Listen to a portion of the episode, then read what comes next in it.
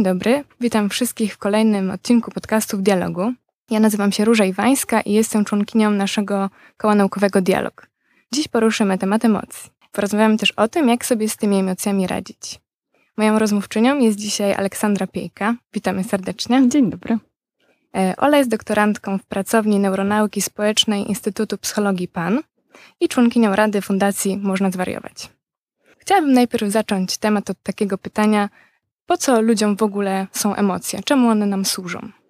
Taką najprostszą odpowiedzią będzie uznanie emocji za stany, które motywują nas do tego, żebyśmy wchodzili w sytuacje albo wychodzili z sytuacji, które są dla nas albo przyjemne, albo zagrażające. Czyli to jest taki wytwór ewolucji, który ma nam służyć do tego, żebyśmy adekwatnie ewaluowali środowisko dookoła i angażowali się w to środowisko w taki sposób, który służy naszej homeostazie, czyli takiemu naszemu idealnemu punktowi z perspektywy fizjologicznej, z perspektywy przetrwania. I to byłaby taka prosta zachowawcza definicja. O tę definicję generalnie naukowcy kruszą kopie, więc mogłybyśmy cały podcast poświęcić tylko temu, ale powiedzmy sobie w taki sposób i myślę, że to jest dobry punkt wyjścia do tego, żeby później rozumieć, jak one nam służą albo nie służą i co z nimi można robić. Mhm, jasne, czyli y, dobrze rozumiem, że emocje są w pewien sposób adaptacją do środowiska, mają nam służyć jako coś, co pozwala nam się lepiej przystosować, żeby lepiej sobie radzić z wyzwaniami życia codziennego? Tak, dokładnie. Emocje są po prostu takimi informacjami, które płyną do nas y, z naszego ciała, które mają nam mówić o tym, czy nasze bycie w środowisku jest dla nas dobre, czy niedobre, czy nam służy, czy nie służy i w jaki sposób. Czyli to są jakby takie sygnały, które pozwalają nam uzyskać taki koloryt naszego bycia w świecie i bez nich nie mielibyśmy żadnej informacji zwrotnej na temat tego, czy w tym świecie możemy przeżyć, czy nie. Mhm. Podoba mi się takie myślenie o emocjach jako takiej informacji zwrotnej. E, I też e, ciekawe to było, jak powiedziałaś słowo koloryt, bo domyślam się, że o emocjach można też myśleć w kontekście e, jakby wielu różnych odcieni pewnych stanów emocjonalnych, że jest to coś, co dla każdego będzie, każdy będzie trochę to inaczej odczuwał. Tak, dokładnie. W nauce o emocjach generalnie rozróżnia się takie dwa główne fronty teoretyczne. Y, z których można wyróżnić y, teorię emocji podstawowych Paula Ekmana i konstruktywistyczną teorię emocji Lisy Feldman-Barrett. To są jakby dwa krańce spektrum. Generalnie myśląc o emocjach, prawdopodobnie poruszamy się gdzieś pomiędzy. Ta pierwsza teoria mówi nam o tym, że mamy jakieś podstawowe emocje, one są współdzielone między nami i innymi zwierzętami, są bezpośrednim wytworem ewolucji służą do bardzo konkretnych rzeczy, mają bardzo podobne sygnatury fizjologiczne i generalnie są takie same i niezmienne. Natomiast ta druga y, teoria, czyli teoria konstruktywistyczna emocji, mówi nam o tym, że emocje są czymś, co my jako ludzie konstruujemy każdy indywidualnie na przestrzeni własnej historii, własnego rozwoju. I to są takie rzeczy, które pozwalają nam y, jakby rozumieć rzeczywistość z perspektywy naszego ośrodkowego układu nerwowego, który jest taką maszyną predykcyjną i po prostu w tym świecie stara się nieustannie odnaleźć, ale w związku z tym dla każdego ta emocja będzie czymś indywidualnym czymś skonstruowanym dzięki jego doświadczeniom, historii, informacjom zwrotnym od innych ludzi itd. Więc tak jak mówię, jedna teoria zakłada, że te emocje są czymś, co generalnie mamy zawsze i u podłoża czego kryją się te ewolucyjne fundamenty. Druga mówi, że tak nie jest, że z tej jakiejś takiej zupy doświadczeń i reakcji fizjologicznych, neuronalnych wyłaniają się nam jakieś całości, które my nazywamy jako ludzie, żeby ułatwić sobie poruszanie się po świecie. Prawdopodobnie y, rzeczywistość jest gdzieś po środku. Mhm. Emocje rzeczywiście z innymi gatunkami współdzielimy, ale też te indywidualne, kulturowe sygnatury każdej emocji można zobaczyć w badaniach i w indywidualnych doświadczeniach każdego z nas. Mhm. Ta druga teoria, właśnie konstruktywistyczna, ona brzmi dużo, jak, jakby była dużo bardziej skomplikowana i taka jakby wielowymiarowa, więc też domyślam się, że ona może trochę pełniej opisywać jakieś takie doświadczenie ludzi, e, bo domyślam się, że z naszych rozmów z innymi osobami widzimy, że nie każdy z nas doświadcza takiej samej emocji w ten sam sposób. Tak, dokładnie. I to jest bardzo ważne, żeby to wiedzieć i żeby o tym pamiętać, bo to jest też jeden z sposobów, na jaki możemy nasze emocje regulować. Oczywiście do tego fragmentu też pewnie przejdziemy później, ale już tutaj warto wtrącić, że jakby rozpoznawanie swoich emocji i myślenie o nich w, tak, w takim większym poziomie szczegółowości jest jedną ze strategii, którą możemy stosować, żeby pewniej i swobodniej poruszać się po naszym własnym pejzażu emocjonalnym. pojawia się taka myśl właśnie, że emocje są e, informacją, że emocje są e, czymś potrzebnym, czymś bardzo ważnym też w życiu, no bo adaptują nas do środowiska i służą nam. Mm, I tak myślę, czy może podałybyśmy jakiś przykład na to, na przykład jak złość albo smutek mogą nam pomagać, bo domyślam się, że dla niektórych osób nie jest to tak oczywiste, jak to w sumie działa, bo mamy definicję, ale jak to można w praktyce wykorzystać? No tak naprawdę o każdej emocji możemy pomyśleć w kontekście, w którym wyłania się ona jako coś, co nam pomaga, co jest rzetelną i ważną informacją o naszym życiu y, ale też w którym ten kontekst sprawia, że ta emocja jest jakoś y, nieadaptatywna, nie służy nam czy ludziom dookoła nas. No ale skupiając się na tym pomocowym charakterze emocji, na ich y, ładunku informacyjnym, no możemy pomyśleć o smutku, który jest taką emocją mówiącą nam o tym, że coś w świecie idzie nie po naszej myśli, tak? Że czegoś nam brakuje, nie ma czegoś fundamentalnego. No i to przeżycie tego, tego braku jest dla nas kluczowe po to, po pierwsze, żebyśmy mogli potencjalnie to zmienić mhm. i po prostu oprócz tego, to jeszcze warto myślę wtrącić, że bo mówimy tutaj cały czas, poruszamy się po tej teorii emocji jako informacji w takim indywidualnym znaczeniu, ale bardzo jest ważne, żeby pomyśleć też o emocji jako o sygnale y, interpersonalnym czy społecznym. Y, Emocje, a zwłaszcza ich ekspresja, wyewoluowała też po to, żebyśmy mogli sobie nawzajem te emocje przekazywać, komunikować. Więc taki smutek jest na przykład emocją, która komunikuje Y, zewnętrzu innym ludziom, że z nami się dzieje coś złego, że potrzebujemy pomocy, jesteśmy jakoś bezradni i te różne sygnały, które ze smutkiem się wiążą, płacz, smutna mina, y, sprawiają, że inni ludzie są bardziej chętni, żeby nam pomagać. I to jest jakaś z jej funkcji, którą, którą tutaj możemy wyłuskać. Mhm. Tak myślę właśnie faktycznie, że y, emocje są informacją nie tylko dla nas, ale też dla otoczenia i dla na przykład naszego partnera, przyjaciółki, czy ogólnie dla większej grupy osób i że to musi na pewno pełnić ważną funkcję w ogóle w życiu społecznym. Tak, dokładnie. No I też emocje so, sobie nawzajem regulujemy własnymi emocjami, czyli te mhm. jakby wzajemne przepływy, synchronizacje są niezbędne do tego, żebyśmy się rozumieli, dogadywali, żebyśmy mogli współpracować jako ludzie, jako grupy czy społeczeństwa.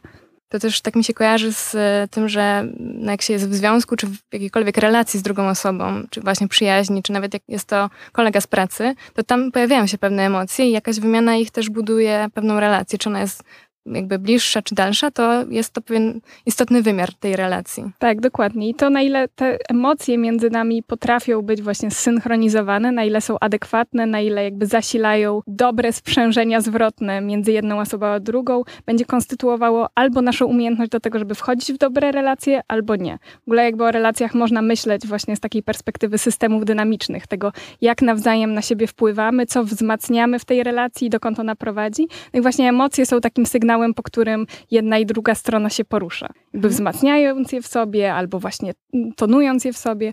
No i generalnie jest tak, że jak jesteśmy mali, to te emocje w nas tak buzują w takiej zupełnie nieogarniętej przez nic zupie fizjologiczno-neuronalnej y, i też uczymy się tych emocji, w ogóle uczymy się rozpoznawania ich i też jakiegokolwiek regulowania ich w sobie dzięki innym ludziom, przede wszystkim dzięki naszym pierwotnym opiekunom.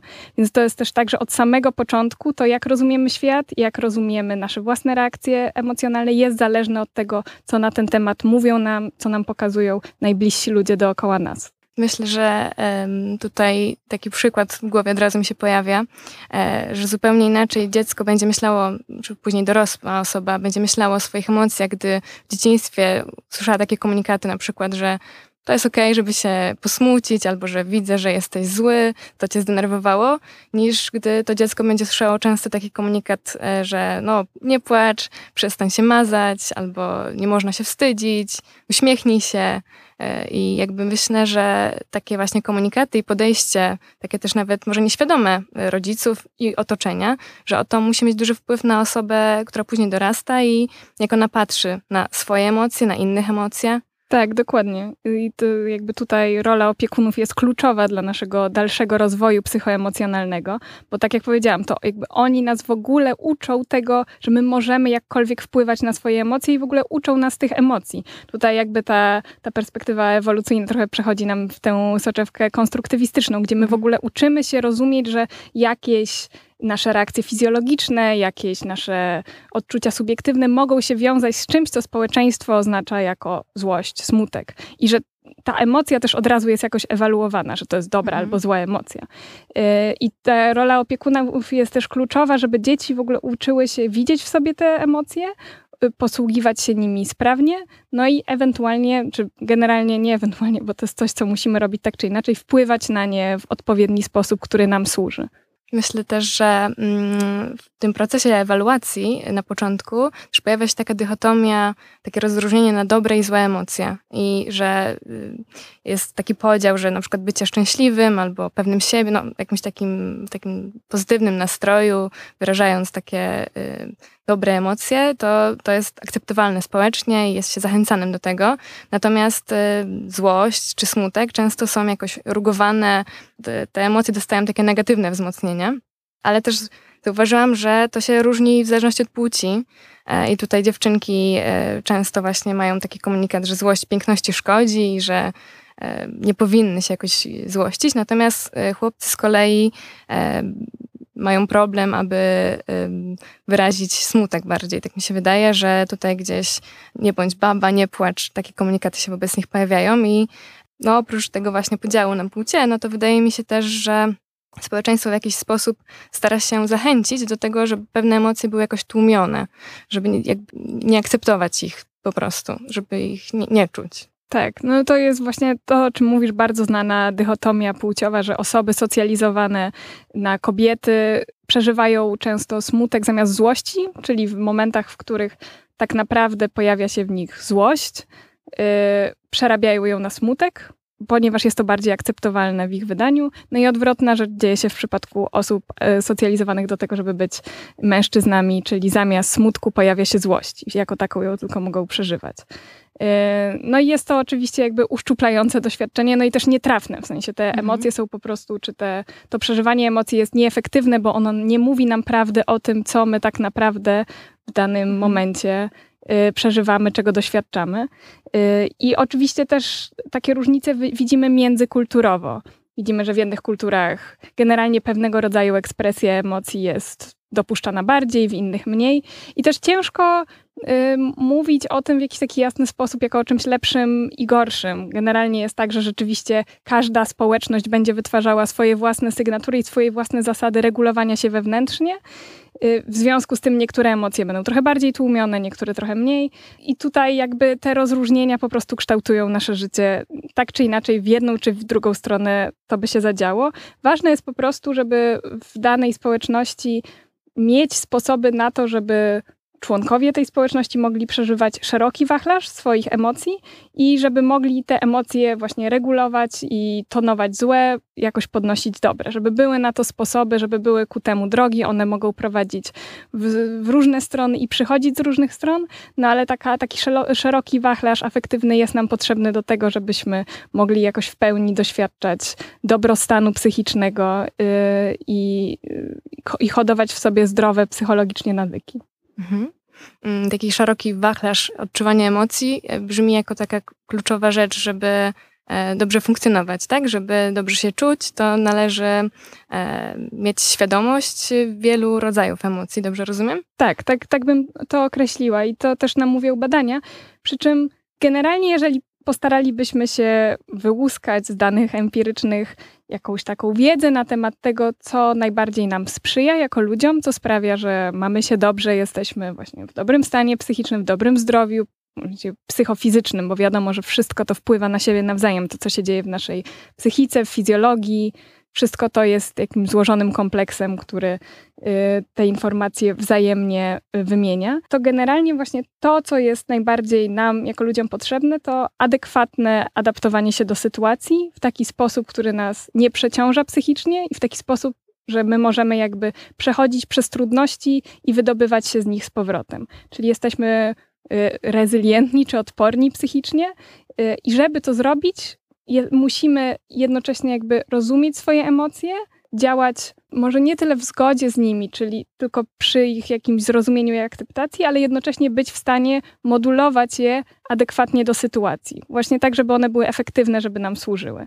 No i tak jak mówię, są jakby różne sposoby i różne kultury też korzystają z różnych sposobów, żeby to robić, ale to jest jakaś taka ogólna rama myślenia, która pozwala nam zrozumieć, czym jest dobre zdrowie psychiczne, czyli umiejętnością zaadaptowania się do środowiska w taki sposób, żeby ono nam służyło, żeby wzmacniało nas w tym, co jest jakby dobre, tym, co jest w nas silne i żebyśmy byli w stanie wracać do tego punktu homeostazy, tego punktu spokoju, w którym y, jesteśmy w stanie wypocząć i później iść do przodu. Emocje w takim rozumieniu brzmią jak taka super zdolność człowieka, taka jakby siła, żeby po prostu sobie dobrze radzić z życiem. I takie emocje w takim, e, taka do, dobrze, dobre podejście do emocji, właśnie rozumienie, akceptacja i jakoś taka umiejętność zarządzania nimi brzmi jak coś, co pomaga właśnie przechodzić przez życiowe trudności, takie większe czy mniejsze. I w życiu wydaje się to być takim czymś takim potrzebnym. Tak, na pewno. Przy czym to nie same emocje są super mhm. mocą, bo emocje mamy wszyscy. Też. E, tak jak e, możemy rozmawiać o tym, czy nasze emocje są wartościowe, czy nie, one po prostu są, jakby nie uciekniemy od nich, będziemy ich doświadczać tak czy inaczej. Tylko co, to, co jest, co rzeczywiście jest niezwykłą umiejętnością, którą ćwiczymy całe życie, od maleńkości do starości, jest możliwość właśnie adekwatnego regulowania emocji w zależności od sytuacji. I ta regulacja jest nam niezbędna po to, żebyśmy mogli się dopasowywać do naszego otoczenia, do innych ludzi, do, trochę też do siebie samych w tych zmianach, przez które przechodzimy. Dlatego też, y, kiedy patrzy się w ogóle na jakieś takie transdiagnostyczne wskaźniki chorób psychicznych, czy takiej ogólnie rozumianej psychopatologii, to jest to jedna z podstawowych charakterystyk, która cechuje właściwie wszystkie zaburzenia, jakie znamy, czyli jakby niezdolność do adekwatnego przeżywania swoich emocji. Oczywiście to przede wszystkim ma miejsce w zaburzeniach afektywnych albo w niektórych zaburzeniach osobowości, ale generalnie, jeżeli patrzymy właśnie na różnego rodzaju diagnozy, po które możemy sięgnąć, to zawsze jest tam taki komponent nie, niemożności dopasowania się do rzeczywistości w taki sposób, żeby to było dla nas dobre, żeby nam służyło. Mm, to myślę, że rzuca takie mm, światło na tę sytuację, że regulacja emocji jawi się jako taka też właśnie istotna. Tak jak wspomniałaś, nie do końca same emocje są naszą supermocą, ale to regulowanie ich, czyli jakby umiejętność takiego właśnie e, jakiejś takiej gry z środowiskiem, takiego zarządzania swoimi zasobami, tak? I e, dopasowywania się do tego, co nam przynosi otoczenie, że to jest właśnie e, regulacja emocji. Nie, chciałabym właśnie tak e, dobrze zrozumieć, czy regulacja właśnie emocji jest ich tłumieniem? Nie do końca, prawda? Tak, rzeczywiście to słowo regulowanie jest już przynajmniej lepsze od słowa kontrola emocji, mhm. które, które tutaj nie, nie jest czymś, o co nam chodzi. Tylko ta regulacja może się nam kojarzyć właśnie z zarządzaniem albo z takim jakby w pełni świadomym, podmiotowym decydowaniem o tym, jak w danym momencie się mamy. A wiadomo, że też tak nie jest i tak nie może być. Nie, jakby nie możemy podejmować zawsze świadomie decyzji o tym, jak w danym momencie się czujemy. Też emocje do nas przychodzą, bo nasze emocje generalnie tak jak o tym rozmawiałyśmy na samym początku, one są po prostu jakimś sygnałem informującym nas o tym, jak się mamy w świecie, jakby gdzie jesteśmy usytuowani względem świata. Y, tylko ten świat, czy ta rzeczywistość, o której mówimy, to nie jest jakby prawdziwa rzeczywistość, tylko to jest jakaś konstrukcja rzeczywistości, którą nosimy w sobie, którą nosimy w głowie. Bo też tak jak trochę o tym mówiłyśmy, mózg jest takim, mózg tworzy model predykcyjny, czyli cały czas po prostu przewiduje, stara się zrozumieć, jak działa świat, bo mózg, kiedy się rodzi w świecie, to nic o tym świecie nie wie. Jakby cały czas jako żywe istoty, jako ludzie staramy się konstruować rzeczywistość dookoła nas. I nasze emocje właśnie po prostu mówią nam, co, jak ta rzeczywistość się do nas ma. Ale może być tak, że ta rzeczywistość, którą nosimy w głowie, od tej, nazwijmy to, prawdziwszej, obiektywnej rzeczywistości jednak odstaje. To, jak rozumiemy świat, jest zawsze wypadkową naszej historii, naszych doświadczeń, relacji, yy, naszego temperamentu, takiej wrażliwości psychofizjologicznej, więc ona jakby zawsze będzie skrzywiona w tę czy inną stronę. I dobra regulacja emocji to taka regulacja emocji, która nie tylko pozwala nam widzieć emocje, które przeżywamy i je rozumieć, ale też y, brać tę poprawkę na nasze skrzywienia, na nasze zniekształcenia.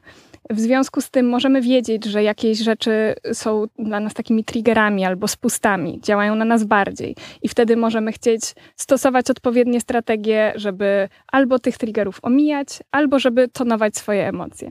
To, co w ogóle też jest ważne, to kiedy myślimy w ogóle o regulacji emocji, właśnie też cały czas mówimy o tym w taki podmiotowy sposób, y, ale y, myśląc o takiej klasycznej regulacji emocji, która polega na tym, że my teraz decydujemy, że będziemy się czuli inaczej, to jest tylko mały wycinek i to z reguły najmniej. Yy, do niego mamy najmniej zdolności. To jest jedna z najtrudniejszych rzeczy, żeby w danym momencie postanowić sobie, że teraz będziemy się czuli inaczej. Po pierwsze, to prawie nigdy tak nie działa. Y, I mamy oczywiście jakiś zasób technik, na przykład reinterpretację poznawczą. Możemy stwierdzić, że daną sytuację postaramy się rozumieć inaczej. Y, albo możemy właśnie tłumić emocje, to jest też strategia regulacji emocji, która generalnie raczej nie działa. Y, w rzadkich sytuacjach może nam pomóc. Albo możemy postarać się przekierować gdzieś swoją uwagę. E, także są różnego rodzaju techniki, które pozwalają nam tak świadomie podjąć decyzję, że teraz będę działać inaczej, ale bardzo duża część regulacji emocji to jest dbanie o swoje wewnętrzne zasoby. I dbanie o swoje wewnętrzne zasoby, takie psychofizjologiczne, sprowadza się do tych najprostszych rzeczy, o których wszyscy wiedzą, ale też często mało kto nie dba, czyli do dobrego snu, dobrego odżywiania, dobrych relacji społecznych. To są te rzeczy, które w ogóle konstytuują naszą zdolność regulacyjną, które właśnie konstytuują ten zasób, z którego my możemy korzystać, żeby później w różnych sytuacjach móc się do nich zaadaptować, żeby mieć tę tę elastyczność psychiczną, która pozwala nam na to, żeby zmienić nagle kurs emocjonalny, albo żeby spojrzeć na sytuację z innej perspektywy, albo żeby w ogóle wybrać sobie sytuacje, które są dla nas dobre i które nie są dla nas dobre, albo żeby zmienić swoją odpowiedź behawioralną czy swoją ekspresję danej emocji.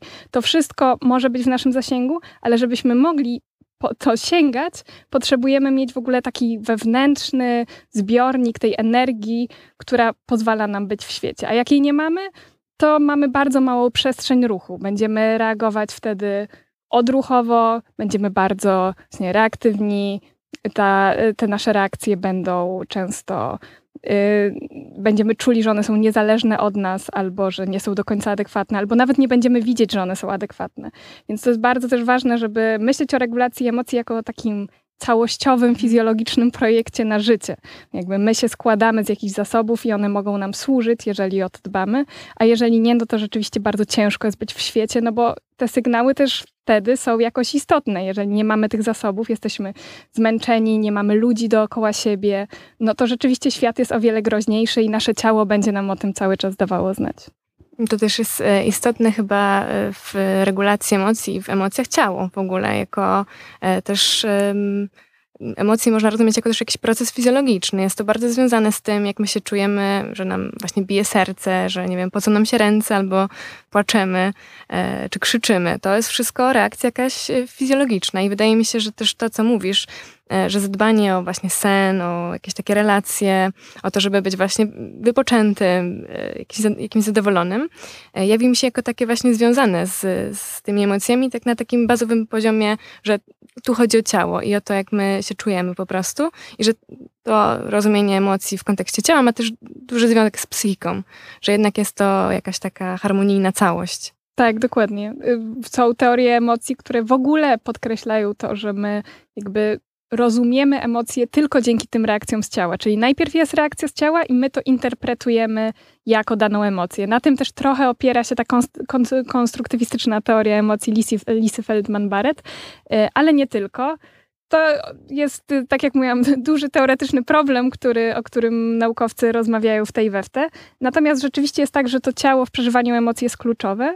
Jest też y, kluczowe w regulacji emocji, w tym sensie, że ono ma taki mediujący wpływ między tym, co się dzieje w naszym układzie, w naszym ośrodkowym układzie nerwowym i w naszej psychice. Jest taka teoria, która nazywa się, mm, powiedzmy po polsku, można to przetłumaczyć jako neurowisceralną teorię integracji której autorem jest innymi profesor Julian Tyre i ta teoria mówi nam właśnie o tym, że mamy pewne zasoby fizjologiczne i że one jakby mediują między tym, co, mm, czego doświadczamy na co dzień, co postrzegamy i jak później nasz mózg reinterpretuje rzeczywistość, w jaki sposób rozdystrybuuje naszymi zasobami i w tym te, na tej osi doświadczenie i, i mózg istotne jest serce, że serce jest tym, co jakby pozwala nam dopasowywać właśnie nasze reakcje fizjologiczne do rzeczywistości i to serce jakby może wpływać na to, co się dzieje na poziomie neuronalnym, zarówno jak to, co się dzieje na, na poziomie neuronalnym wpływa na to, co się dzieje w sercu.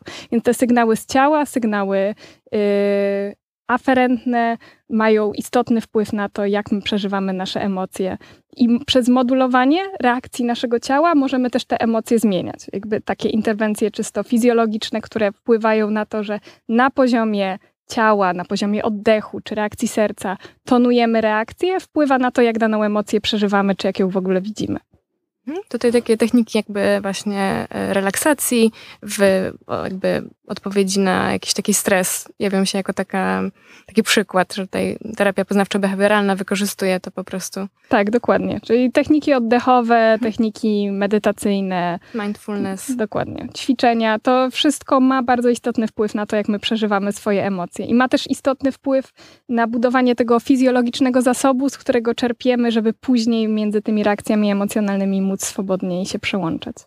Mhm. A żeby jeszcze tak to zrozumieć, to o czym rozmawiamy na takim właśnie ludzkim wymiarze, e, to osoby, które na przykład właśnie gdzieś e, nie dosypiają, nie wiem, na przykład młodzi rodzice, którzy mają małe dziecko, e, właśnie załóżmy taka matka, która nie dosypia, która właśnie ma problem, żeby mm, zjeść, że jej będzie dużo trudniej na przykład sobie, nie wiem, uspokoić się jakoś, jakby szybciej zareaguje właśnie na przykład poirytowaniem, czy na przykład, nie wiem, student w trakcie sesji dużo prędzej się popłacze na przykład w reakcji na dwóje z egzaminu niż e, osoba, która się wyspała, która jest zrelaksowana i e, taka najedzona, uspokojona. Tak, dokładnie tak. To jest e, właśnie z rodzicami małych dzieci. Jest to tyle paradoksalne, że właśnie te osoby powinny mieć dużo zasobów, żeby radzić sobie z tym małym człowiekiem, który też musi się uczyć powoli swoich własnych sygnałów, a one, samo, one same często są pozbawione tych zasobów, które są niezbędne, co nam pokazuje, że taki ideał rodziny nuklearnej, gdzie jest dwójka e, osób dorosłych,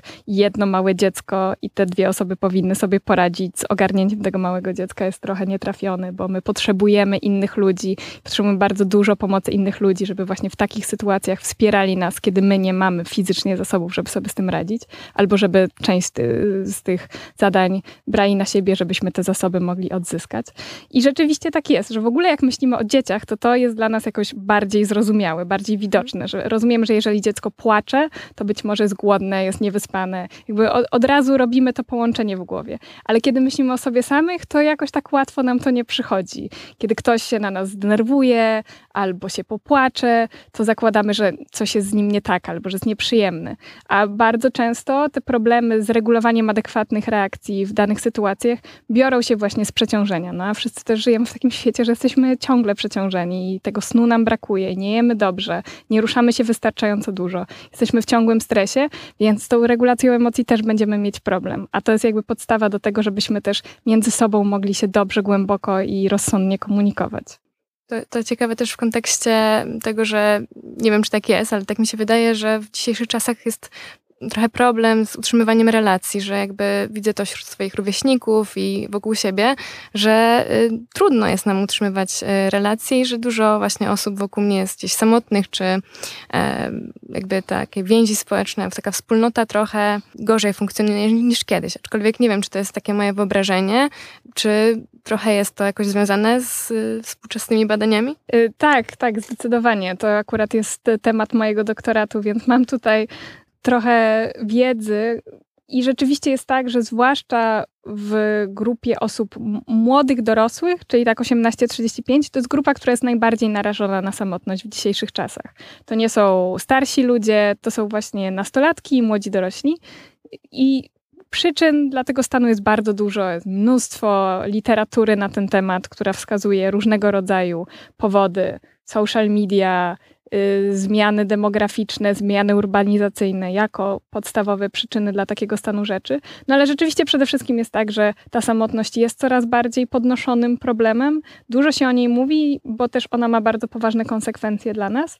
Y, I to, co jest ciekawe i istotne właśnie w kontekście tej samotności, że co też wynika trochę z naszych badań, że ona ma w sobie taki aspekt, który wiąże się właśnie z trudnościami w regulacji, w samoregulacji i w regulacji w odniesieniu do innych osób.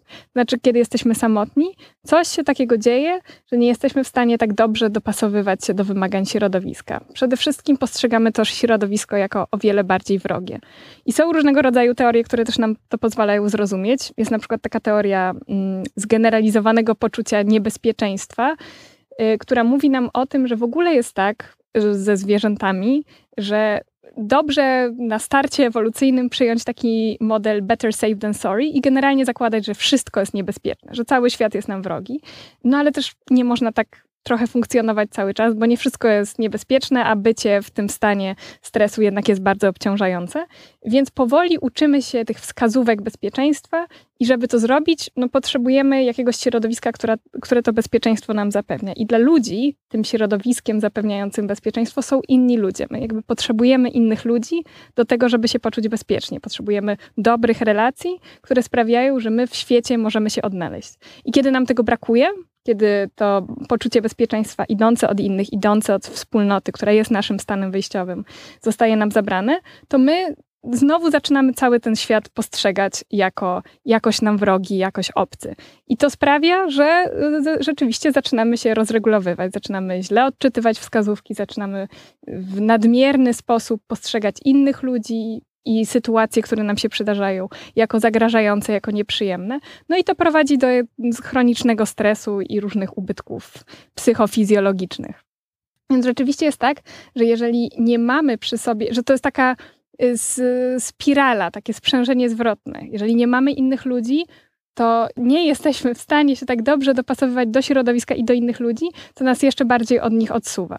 Więc ciężko tutaj też powiedzieć, co jest pierwsze, co jest drugie, ale rzeczywiście, jeżeli wpadamy czy społecznie, czy indywidualnie w taką spiralę samotności, to jest nam tym ciężej z powrotem wrócić do innych, stworzyć z nimi dobrą relację, skomunikować się we właściwy sposób i właśnie adekwatnie też emocjonalnie wzajemnie regulować, bo po prostu będziemy przeżywać o wiele więcej negatywnych emocji niż wynikałoby z charakterystyk danej sytuacji i niż byłoby dla, to dla nas dobre.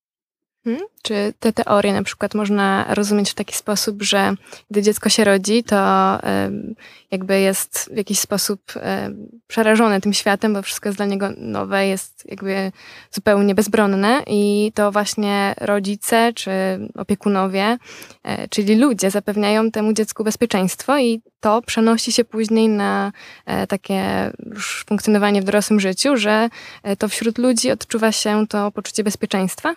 Tak, to znaczy to jest teoria, która nam mówi o tym głównie w takiej perspektywie filogenetycznej, czyli w perspektywie rozwoju gatunku, ale jak najbardziej możemy zobaczyć miniaturę tego na przestrzeni indywidualnego życia w procesie ontogenezy, czyli rozwoju pojedynczego osobnika. Kiedy mamy małe dziecko, to ono jest właśnie rozhamowane w tych swoich reakcjach stresowych. Jeżeli coś jest źle, to ono zaczyna płakać i nie przestaje, aż opiekun, który jest jedynym źródłem bezpieczeństwa i zasobów, i pokarmu, i miłości, da mu to poczucie, że wszystko jest ok, że nie trzeba się martwić tym, co się dzieje dookoła. I w ten sposób właśnie nabudowuje się w nas to poczucie, że świat jest miejscem, w którym rzeczywiście możemy żyć, w którym jest dla nas też miejsce. I kiedy nie mamy tego, kiedy nie dostajemy tego w dzieciństwie, nie dostajemy tego później, nie mamy tej wspólnoty, to rzeczywiście nie jesteśmy w stanie jako ludzie y, adekwatnie funkcjonować w środowisku, bo jesteśmy tak bardzo uspołecznionym gatunkiem, że jest to dla nas niezbędne. Mhm to też, o czym rozmawiamy, kojarzy mi się z teorią przywiązania i z tym, jak właśnie nasze doświadczenia w dzieciństwie z opiekunem, z jakimś właśnie obiektem przywiązania kształtują później nasze zdolności do jakiejś regulacji emocji, czyli właśnie co robimy w momencie e, zagrożenia, czy e, jakby udajemy się do jakiegoś bezpiecznego opiekuna, jakiejś bezpiecznej, bliskiej osoby, żeby się uspokoić, czyli na przykład się wygadać albo się przytulić, e, czy stosujemy jakieś inne strategie. No tutaj właśnie jeśli chodzi o e, teorię przywiązania, no to mamy style właśnie, które są bezpieczne i pozabezpieczne, ale jakoś tak wydaje mi się, że regulację emocji też można rozumieć w kontekście właśnie teorii przywiązania. Tak, dokładnie. To jakby jest przykład na to, jak w naszym dzieciństwie wypracowują się strategie rozumienia rzeczywistości i adekwatnego do nich dostosowywania emocjonalnie albo nieadekwatnego. Z teorią przywiązania jest tak, że rzeczywiście to jest bardzo dobry trop i podnosi się ją wielokrotnie, często w tego typu badaniach. Mam wrażenie, że w takim popkulturowym wydaniu y, ta teoria mm, wygląda tak, jakby w naszym dzieciństwie już kształtowała się cała nasza przyszłość na zawsze, mhm. a to też do końca nie jest prawda i takie y, nowsze y, reinterpretacje tych danych pokazują, czy nowych danych, które są y, generowane, że te style przywiązania mogą, tam się, mogą się nam zmieniać w trakcie życia, że my możemy przechodzić od jednego do drugiego. Oczywiście, jeżeli w naszym dzieciństwie spotkały nas ciężkie rzeczy, to to konstytuuje jakoś naszą podstawę do bycia, bycia w świecie, ale da się z tym pracować, da się to zmieniać i to, co dostajemy później od innych ludzi w naszym życiu, potrafi być równie ważne jak to, z czym wychodzimy. Więc jakby cała nasza historia społeczna ma wagę dla tego, jak jesteśmy w świecie, jak jesteśmy w stanie te nasze emocje dostosowywać do innych i do środowiska. Mhm. To myślę się, że na przykład taka osoba, która e, mogłaby właśnie mieć z jednym rodzicem jakąś właśnie relację właśnie e, bezpieczną, a z drugim jakąś unikową, później jakby dorastając z jednym partnerem ma bezpieczną, a z drugim właśnie unikową, że jakby to nie, mm, nie jest coś takiego sztywnego, tak? Generalnie jest tak, że bardzo rzadko mamy takie czyste typy. Często jest tak, że mamy odrobinę w sobie jakichś tendencji, trochę innych. Jesteśmy taką przemieszaną Y, zupą tych różnych rzeczy, które wpadają nam w trakcie dzieciństwa. I w, w trakcie rozwoju naszego życia te rzeczy też wychodzą w zależności od kontekstu. Też jest tak, że generalnie bardzo dużo rzeczy w nas y, jawi się jako dobre albo złe w zależności od kontekstu. Możemy być w relacjach i w okolicznościach, które nasze tendencje podkreślają w sposób dla nas korzystny albo nie.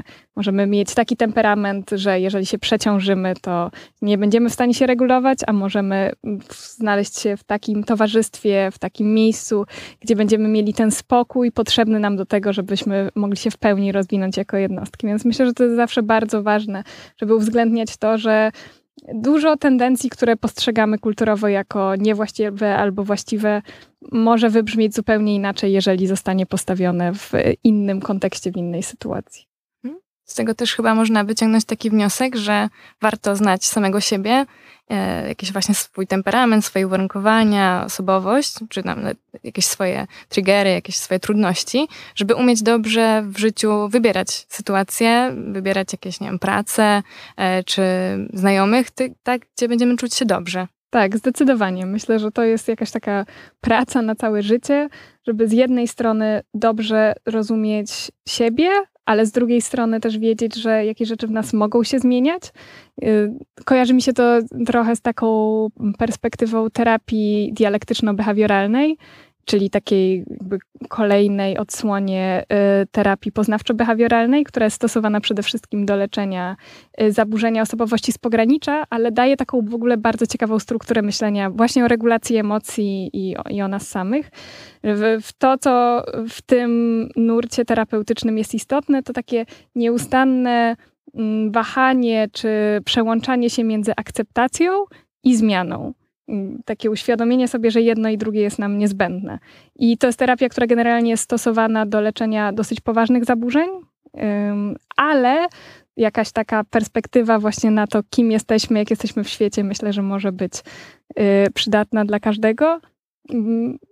I to właśnie, co jest w tym takie kluczowe, to to, żeby nie, nie zapominać o tym, że jesteśmy w ciągłym ruchu, że bardzo dużo rzeczy w nas się zmienia, ale też są takie których nie przeskoczymy i musimy je uznać, żeby po prostu być bliżej rzeczywistości, więc żeby te nasze emocje lepiej tę rzeczywistość odzwierciedlały. Hmm, czyli żeby właśnie wypośrodkować e, to tak jakby to, e, że pewne rzeczy w sobie właśnie akceptujemy, a pewne mm, jakoś próbujemy zmienić. Czyli na pewne rzeczy mamy wpływ, a z niektórymi musimy się pogodzić. Tak, dokładnie. I trochę tak jest z tymi strategiami y, regulacji emocjonalnej, że one też, że właśnie dużo się mówi na przykład o tym w literaturze, że reinterpretacja poznawcza jest bardzo fajna, że nam dużo daje, że sprawia, że jesteśmy lepiej dostosowani do innych, a tłumienie emocji wiąże się z psychopatologią. Y, natomiast jeżeli spojrzymy na badania trochę głębiej, to widzimy, że bardzo dużo zależy i że są takie sytuacje, w których, zresztą też trochę o tym mówiłyśmy, są takie sytuacje, w których nie zinterpretujemy inaczej tego, co się dzieje, albo to, że zinterpretujemy coś inaczej, może posłużyć na naszą niekorzyść. I to są sytuacje, w których właśnie możemy coś zmienić. Jeżeli możemy coś zmienić, to warto coś zmienić. Mhm. I też ja sobie sama myślałam, y, zastanawiając się właśnie nad tą y, perspektywą terapii poznawczo-behawioralnej, nad, y, na tę ciągłą reinterpretację rzeczywistości, tak żeby ona była dla nas bardziej znośna. No, myślałam sobie o tym, że no ale gdzie tam jest miejsce na to, żeby uznać, że czasami rzeczywistość nie jest znośna i że musimy właśnie też poczuć te złe emocje w stosunku do niej, żeby być w stanie ją zmienić. To jest, y, oczywiście w tej terapii też się to uznaje, to jakby był wynik jakichś moich rozmów ze znajomymi, którzy też byli sceptyczni co do tego frameworku, y, ale myślę, że właśnie tutaj dobrze upatrywać tej pozytywnej roli emocji, które wydają się nam nieprzyjemne albo negatywne. Smutek czy złość mogą nam mówić o tym, że jesteśmy w sytuacji, która nam nie służy i którą chcemy zmienić. Nawet taka emocja jak wstyd, która jest bardzo często podnoszona jako ta jedna zła emocja. Mhm. Wszystkie są dobre, ale ta jedna to jest zawsze zła. To też nie do końca prawda. Wstyd też jest dla nas bardzo istotną informacją. Potrafi być, oczywiście potrafi być nadużywany i wykorzystywany przeciwko nam, bo to jest bardzo silna emocja społeczna, bardzo ważny sygnał. Natomiast jest tak, że to też jest istotna informacja, że robimy coś, co jest nie w porządku w stosunku do innych, co jakoś innych może krzywdzić, albo co jest jakoś bardzo nieadekwatne społecznie. Więc każda z tych emocji w odpowiednim kontekście może dać nam bardzo istotną informację, która pomaga nam lepiej być w świecie, która właśnie pomaga nam coś zmienić. E, ale jednocześnie trzeba właśnie uważać na to, żeby tych emocji nie brać za bardzo takimi, jakimi są, tak na wiarę, bo rzeczywiście one też mogą wynikać z naszej nieadekwatnej oceny sytuacji, w związku z czym mogą nam nie służyć. Więc takie wchodzenie też w narrację, że wszystkie emocje są dobre, zawsze im trzeba wierzyć, każdy ma prawo do swoich emocji. Oczywiście, że każdy ma prawo do emocji, ale też to nie zmienia faktu, że dookoła nas jest jakaś rzeczywistość i inni ludzie i też czas, czasem właśnie te emocje nie biorą się z właściwego rozpoznania sytuacji, w której jesteśmy. Mm, tutaj też myślę, że to zahacza o taki temat wyrażania emocji, czyli że można te emocje wyrażać w sposób taki, który otoczenie właśnie zrozumie jako, jako informację i dobrze te informacje wykorzysta, czyli no, e, łzy w oczach przyjaciółki będą skutkowały przytuleniem, e, ale może też tak być, że no, na przykład nasz gniew, e, jakaś złość na drugą osobę spowoduje jakąś agresję czy przemoc wobec niej. No i tutaj wydaje mi się, że jakby strategie samoregulacji też, y, właśnie regulacji emocji też mogą pomagać trochę modulować te reakcje wobec otoczenia, czyli żeby właśnie powiedzieć komuś, bardzo się na ciebie teraz złoszczę i potrzebuję pobyć sama przez chwilę, a nie żeby po prostu na kogoś krzyknąć i właśnie zrobić to w sposób bardzo nieprzyjemny. Tak, dokładnie. To jest też taka perspektywa, która pojawia się na przykład w komunikacji bez przemocy, czyli takie podejście do emocji jako do sygnału, z którego my czerpiemy wiedzę na temat siebie tej sytuacji, ale z dystansem i jesteśmy w stanie zakomunikować emocje jako emocje, a nie jako rozpoznanie prawdy na temat rzeczywistości. Czyli na przykład jesteśmy, jeżeli jesteśmy źli, to możemy, tak jak powiedziałaś, powiedzieć naszemu partnerowi w rozmowie, że to, co zrobiłeś, sprawiło, że czuję się teraz zła. Y, ale możemy też powiedzieć, że jesteś głupi albo jesteś agresywny, ty, czyli zaprojektować, albo jakby zrozumieć tę sytuację przez soczewkę tej emocji. No ale ta emocja jest bardziej o nas niż o drugiej osobie. Więc zawsze jest ważne, żeby te emocje brać jako sygnał, a nie prawdę o świecie dookoła nas. To też myślę wymaga trochę samoświadomości, żeby jednak troszeczkę wiedzieć, co się we mnie dzieje. Żebym ja była w stanie tak powiedzieć, żebym była w stanie zastosować jakąś technikę właśnie regulacyjną, to muszę wiedzieć, że doświadczam na przykład tej złości albo tego smutku, e, a nie jakiegoś napięcia czy po prostu, że to ta druga osoba coś robi jakoś źle. Więc wydaje mi się, że w tym też jest taka, taka istotna uważność na swoje emocje i no, samoświadomość, jakaś refleksja nad sobą. Chociaż domyślam się, że to w momencie doświadczania emocji jest dużo trudniejsze niż gdy tak o tym rozmawiamy. Tak, zdecydowanie. Też są takie emocje, które nie pozwalają na, na żaden wgląd. Jest też po prostu taki próg napięcia czy próg przeciążenia emocjonalnego, po którym jakby nie ma już dla nas szans, że my sięgniemy do aktywacji struktur czołowych, tych, które mm. są związane właśnie z reinterpretacją, rekontekstualizacją, dystansem, żeby móc zahamować aktywację tych struktur podkorowych, które są odpowiedzialne właśnie za wyłuskiwanie sygnałów emocjonalnych ze środowiska, czy wzbudzanie reakcji emocjonalnej w odpowiedzi na te sygnały. Więc też y, są takie sytuacje, w których my musimy jakby mieć świadomość, że nie będziemy w stanie mieć żadnej kontroli nad tym, co się w nas dzieje, bo po prostu pewien psychofizjologiczny próg został przekroczony. No i wtedy najlepsze pewne, co możemy zrobić, to wycofać się na chwilę, spuścić napięcie poprzez odejście od sytuacji albo przez jakiegoś rodzaju dystrakcję. to jest też jakaś taka ważna wiedza i lekcja, że są sytuacje, w których y, my nie mamy nad sobą kontroli, czy nie mamy nawet dobrego wglądu w to, co się dzieje, więc zawsze warto mm, brać poprawkę na własne myśli i stany emocjonalne, bo one nie są świetnymi sędziami tego, co, y, nam, co się w środowisku dookoła nas dzieje. Mhm. To mi się też kojarzy z takimi sytuacjami granicznymi, że gdzieś naprawdę e, jesteśmy bardzo jakoś wzburzeni, czy bardzo rozemocjonowani e, i wydaje mi się, że często zdarza się tak, że później się tego żałuje. Na przykład mówi się, że przepraszam, powiedziałem to w emocjach, albo nawet jest e, jakby taki termin jak zbrodnia w afekcie, czyli że gdzieś e, uznaje się to w kulturze i uznaje się to też, e, widzi się to wśród e, właśnie ludzi, że mm, te emocje czasami stanowią pewnego rodzaju jakieś usprawiedliwienie albo jakiś taki czynnik łagodzący, e, bo no, wszyscy jesteśmy ludźmi i to jakby jest naturalne, że raz na jakiś czas jak najlepiej rzadziej, e, zdarza się takie bardzo, odczucie takich bardzo silnych emocji. Tak, myślę, że generalnie jako ludzie mamy taką tendencję do tego, żeby nie za bardzo być w stanie wyobrazić siebie w pełni w innym stanie afektywnym niż jesteśmy w danym momencie. Jest bardzo dużo badań, które to pokazują, że jeżeli jesteśmy w jakimś stanie, nie doceniamy albo przeceniamy wizję siebie na przykład w wielkiej radości, albo w wielkim smutku, albo w wielkiej złości.